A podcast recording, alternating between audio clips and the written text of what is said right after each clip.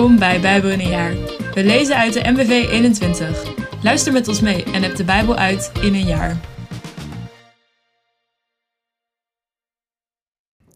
Een goedemorgen. Het is vandaag 24 februari en ik lees met jullie Psalm 25 van vers 16 tot 22, Marcus 7 vanaf vers 31 tot 8 vers 13 en Exodus 35 en 36. Psalm 25 vanaf vers 16. Keer tot mij en wees mij genadig. Ik ben alleen en ellendig. Mijn hart is vol van angst. Bevrijd mij en mijn benauwenis.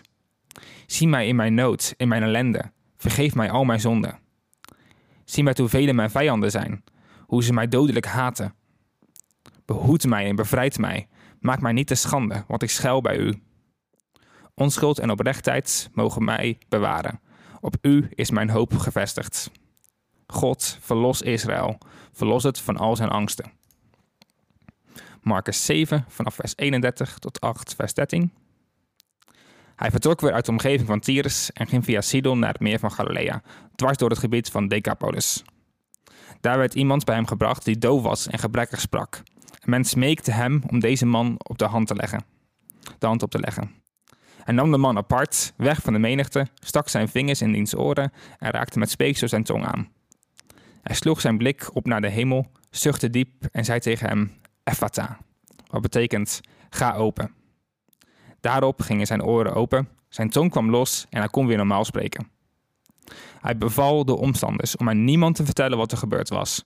Maar hoe strenger hij het hun verbood, hoe meer zij het rondvertelden. De mensen waren geweldig onder de indruk en zeiden: Alles wat hij doet is goed. Zelfs doven laat hij horen en stommen laat hij spreken. Het tweede teken van de broden.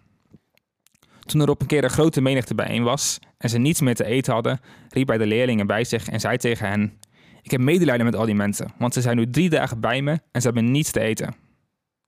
Als ik hen met een lege maag naar huis stuur, raken ze onderweg uitgeput. Sommigen zijn immers van ver gekomen. Zijn leerlingen antwoorden: Maar hoe zou iemand van hen hier in deze verlatenheid van genoeg brood kunnen voorzien? Hij vroeg hen: Hoeveel broden hebben jullie? Zeven, antwoordden ze. Hij zei tegen de mensen dat ze op de grond moeten gaan zitten. Hij nam de zeven broden, sprak het dankgebed uit, brak de boden en gaf ze aan de leerlingen om ze aan de mensen uit te delen. En dat deden ze. Ze hadden ook een paar kleine vissen bij zich. Hij sprak er het zegengebed over uit en zei dat ze ook de vissen moesten uitdelen. De mensen aten tot ze verzadigd waren.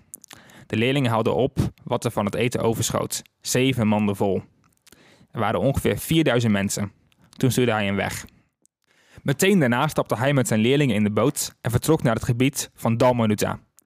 Daar kwamen de fariseeën op en af en ze begonnen met hem te discussiëren. Om hem op de proef te stellen, verlangden ze van hem een teken uit de hemel. Jezus slaakte een diepe zucht en zei: Waarom verlangt uw soort mensen een teken? Ik verzeker u, een mensen als u zal zeker geen teken gegeven worden. En hij liet hen staan, stapte weer in de boot en voer naar de overkant. Exodus 35 tot 36. De Sabbatrust. Mozes riep de hele gemeenschap van Israël bijeen en zei: De Heer heeft u geboden aan het volgende te houden. Zes dagen kan er gewerkt worden, maar de zevende dag, de Sabbat, moet een dag van volstrekte rust zijn, gewijd aan de Heer. Iedereen die dan werkt, moet ter dood gebracht worden. Niemand van u mag op Sabbat een vuur aansteken, waar u ook woont. Bijdrage van het volk, de vaklieden. Mozes zei tegen de Israëlieten: De Heer draagt u op hem geschenken te geven. Laat iedereen die daartoe bereid is, iets aan de Heer afstaan. Goud, zilver of koper. Blauwpurperen, roodpurperen of karmozijnrode wol. Fijn linnen, garen of geitenhaar. Roodgeverfde lampvellen, vellen van zeekoeien, akia-hout, lampolie, reukwerk voor de zalfolie en voor de reukoffers. Onyxstenen voor de priesterschort of edelstenen voor de, edelstenen voor de borsttas. Alle vaklieden moeten zich melden om alles te maken waartoe de Heer opdracht heeft gegeven. De kandelaar met de bijbehorende dekkleed en alle haken, planken, dwarsbalken, palen en voetstokken. De ark met de draagbomen, de verzoeningsplaats en het voorhangsel. De tafel met de draagbomen, alle bijbehorende voorwerpen en het toonbrood. De kandelaar en de bijbehorende voorwerpen, de lampen en de lampolie. Het reukofferaltaar met de draagbomen, het zalfolie, het geurige reukwerk en het gordijn dat de ingang van de tabernakel afschermt. Het brandofferaltaar en het bronzen hekwerk, de draagbomen en alle bijbehorende voorwerpen, het wasbekken en het onderstel. De doeken voor de omeining, de palen, de voetstukken en het gordijn voor de ingang van de afgeschermde ruimte. De pinnen en touwen van de tabernakel en die van de omheining. En de ambtsgewaden voor de dienst in het heiligdom. De heilige kleding voor de priester Aaron en de kleding die zijn zonen moeten dragen wanneer zij als priester dienst doen. Hierop gingen de Israëlieten uiteen. En ieder die daartoe van harte bereid was, kwam bij Mozes terug met een geschenk voor de Heer als bijdrage voor de vervaardiging van de ontmoetigingstent, de inrichting daarvan of de heilige kleding. Alle mannen en vrouwen die bereid waren de Heer iets van goud af te staan, kwamen sierspelden, neusringen, vingerringen, halssieraden en allerlei andere gouden voorwerpen brengen. Iedereen die in het bezit was van blauwpurperen, roodpurperen of karmazijnrode wol, fijn linnen garen, geitenhaar, roodgeverfde lamsvellen of zeekoevellen bracht dat ook. Anderen schonken de heer zilver of koper. En weer anderen brachten het akia hout dat ze hadden en dat voor touw van voorwerpen nodig was. Vrouwen die de kunst van het spinnen verstonden, sponden eigenhandig blauwpurperen, roodpurperen en karmazijnrode wol en fijn linnen garen en stonden dat af. Andere vrouwen die dat graag deden en er bedreven in waren, sponnen geitenhaar. De leiders van Israël brachten de oxystenen van de priesterschort en de edelstenen voor de borsttas. En evenals het reukwerk en de lampolie, de zalfolie en de reukoffers. Alle Israëlieten, mannen zowel als vrouwen, die bereid waren iets af te staan voor de werkzaamheden waartoe de Heer Mozes opdracht had gegeven, brachten de Heer vrijwillig geschenken. Mozes zei tegen de Israëlieten: De Heer heeft zijn keuze laten vallen op Besael, de zoon van Uri, de zoon van Gur uit de stam Juda. Hij heeft hem vervuld met de goddelijke geest, met wijsheid, vakmanschap en inzicht op allerlei gebied. Hij kon ontwerpen maken en ze uitvoeren in goud, zilver, koper en brons. Hij kan stenen snijden en zetten en het hout bewerken en beheerst ook allerlei andere vaardigheden om ontwerpen uit te voeren. De Heer heeft aan hem en aan On Onialab, de zoon van Achismach, uit de stam Dan, ook de gave geschonken om kennis over te dragen. Hij heeft hun vakmanschap geschonken op allerlei gebied. Ze hebben verstand van wolweven, van borduren met blauwpurperen, roodpurperen en karmazijnrode wol en van het verven van fijn linnen. Ze beheersen de technieken en maken zelf de ontwerpen. Besael en Olialab moeten alle voorwerpen voor de dienst in het, in het heiligdom maken, precies zoals de Heer het heeft overgedragen. Alle die hun vak verstaan en aan wie de Heer wijsheid en het inzicht geschonken heeft die hiervoor nodig zijn, moeten hen helpen.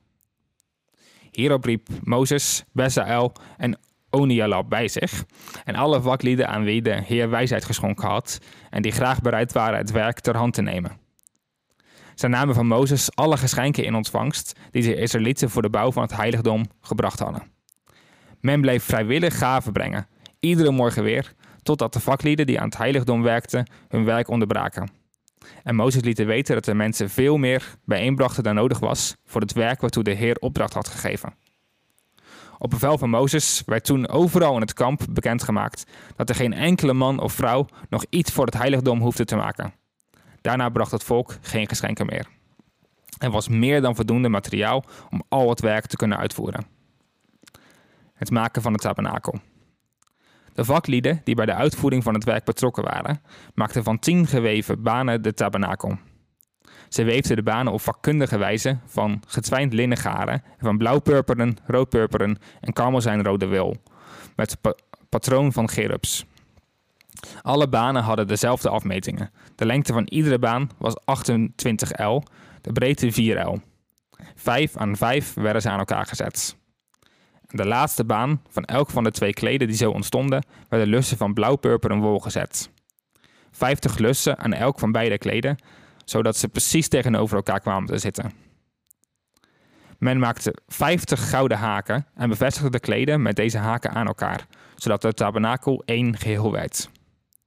Men maakte banen van geitenhaar voor de tent die over de tabernakel heen moesten komen. Het waren er elf, allemaal van dezelfde afmetingen. De lengte van iedere baan was 30 L, de breedte 4 L. Vijf van deze banen werden aan elkaar gezet en zes andere eveneens. Aan de andere baan van elk van de twee kleden die zo ontstonden, zette men 50 lussen. Men maakte 50 koperen haken en om de delen te verbinden en van de tent één geheel te maken. Ook werd voor de tent een dekkleed van rood geverfde ramsvellen gemaakt en dat werd weer afgedekt met een kleed van zeekoevellen. Voor de wanden van de tabernakel maakte men planken van hout die rechtop kwamen te staan. Ze waren 10 el lang en anderhalve el breed. Elke plank werd voorzien van twee pinnen, en wel zo dat de pinnen van alle planken van het tabernakel een rechte lijn vormden.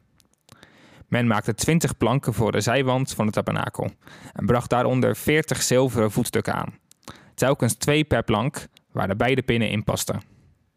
Voor de andere zijde van het tabernakel aan de noordkant maakte men eveneens 20 planken, met daaronder 40 zilveren voetstukken, telkens twee per plank. Voor de achtergrond van het tabernakel, aan de westkant, maakte men zes planken. Voor de hoeken van de achterwand werden twee extra planken gemaakt. Op de beide hoeken sloten de planken van de onderen precies op elkaar aan en tot bovenaan, bij de ring, liepen ze volkomen gelijk. Bij elkaar dus acht, acht planken, met daaronder 16 zilveren voetstukken, telkens twee per plank.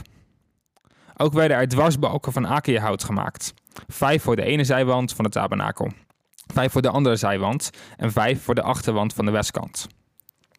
De middelste dwarsbalk diende ertoe om halverwege de wand de planken van het ene einde tot het andere einde met elkaar te verbinden. Men overtrok de planken met goud, vergulde ook de dwarsbalken en maakte voor de dwarsbalken gouden ringen. Het voorhangsel werd gemaakt van blauw-purperen, rood-purperen en karmozijnrode wol en getwijnd linnen garen.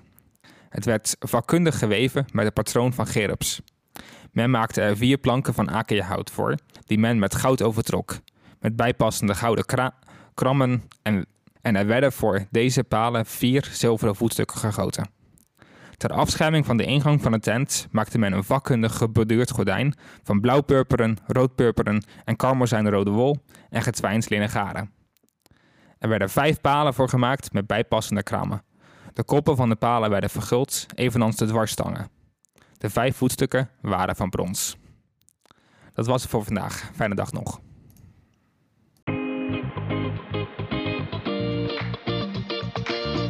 Bedankt voor het luisteren allemaal. Nog een gezegende dag en tot morgen.